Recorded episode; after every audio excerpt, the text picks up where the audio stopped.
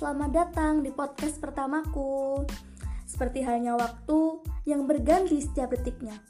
Begitu pula hidup yang berganti pula setiap episodenya. Setiap dari kita pasti punya cerita yang unik. Kita sebenarnya merasakan hal yang sama loh, namun dengan cerita yang berbeda.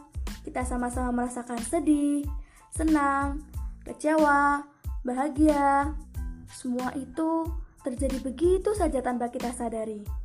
Sehingga banyak pula hikmah yang kita lewati. So, di sini aku akan menceritakan tentang hal-hal yang terjadi di sekitar kita agar kita dapat mengambil hikmah-hikmahnya. Nggak hanya aku, kalian juga bisa berbagi cerita kalian. Sampai jumpa di episode selanjutnya. Dah.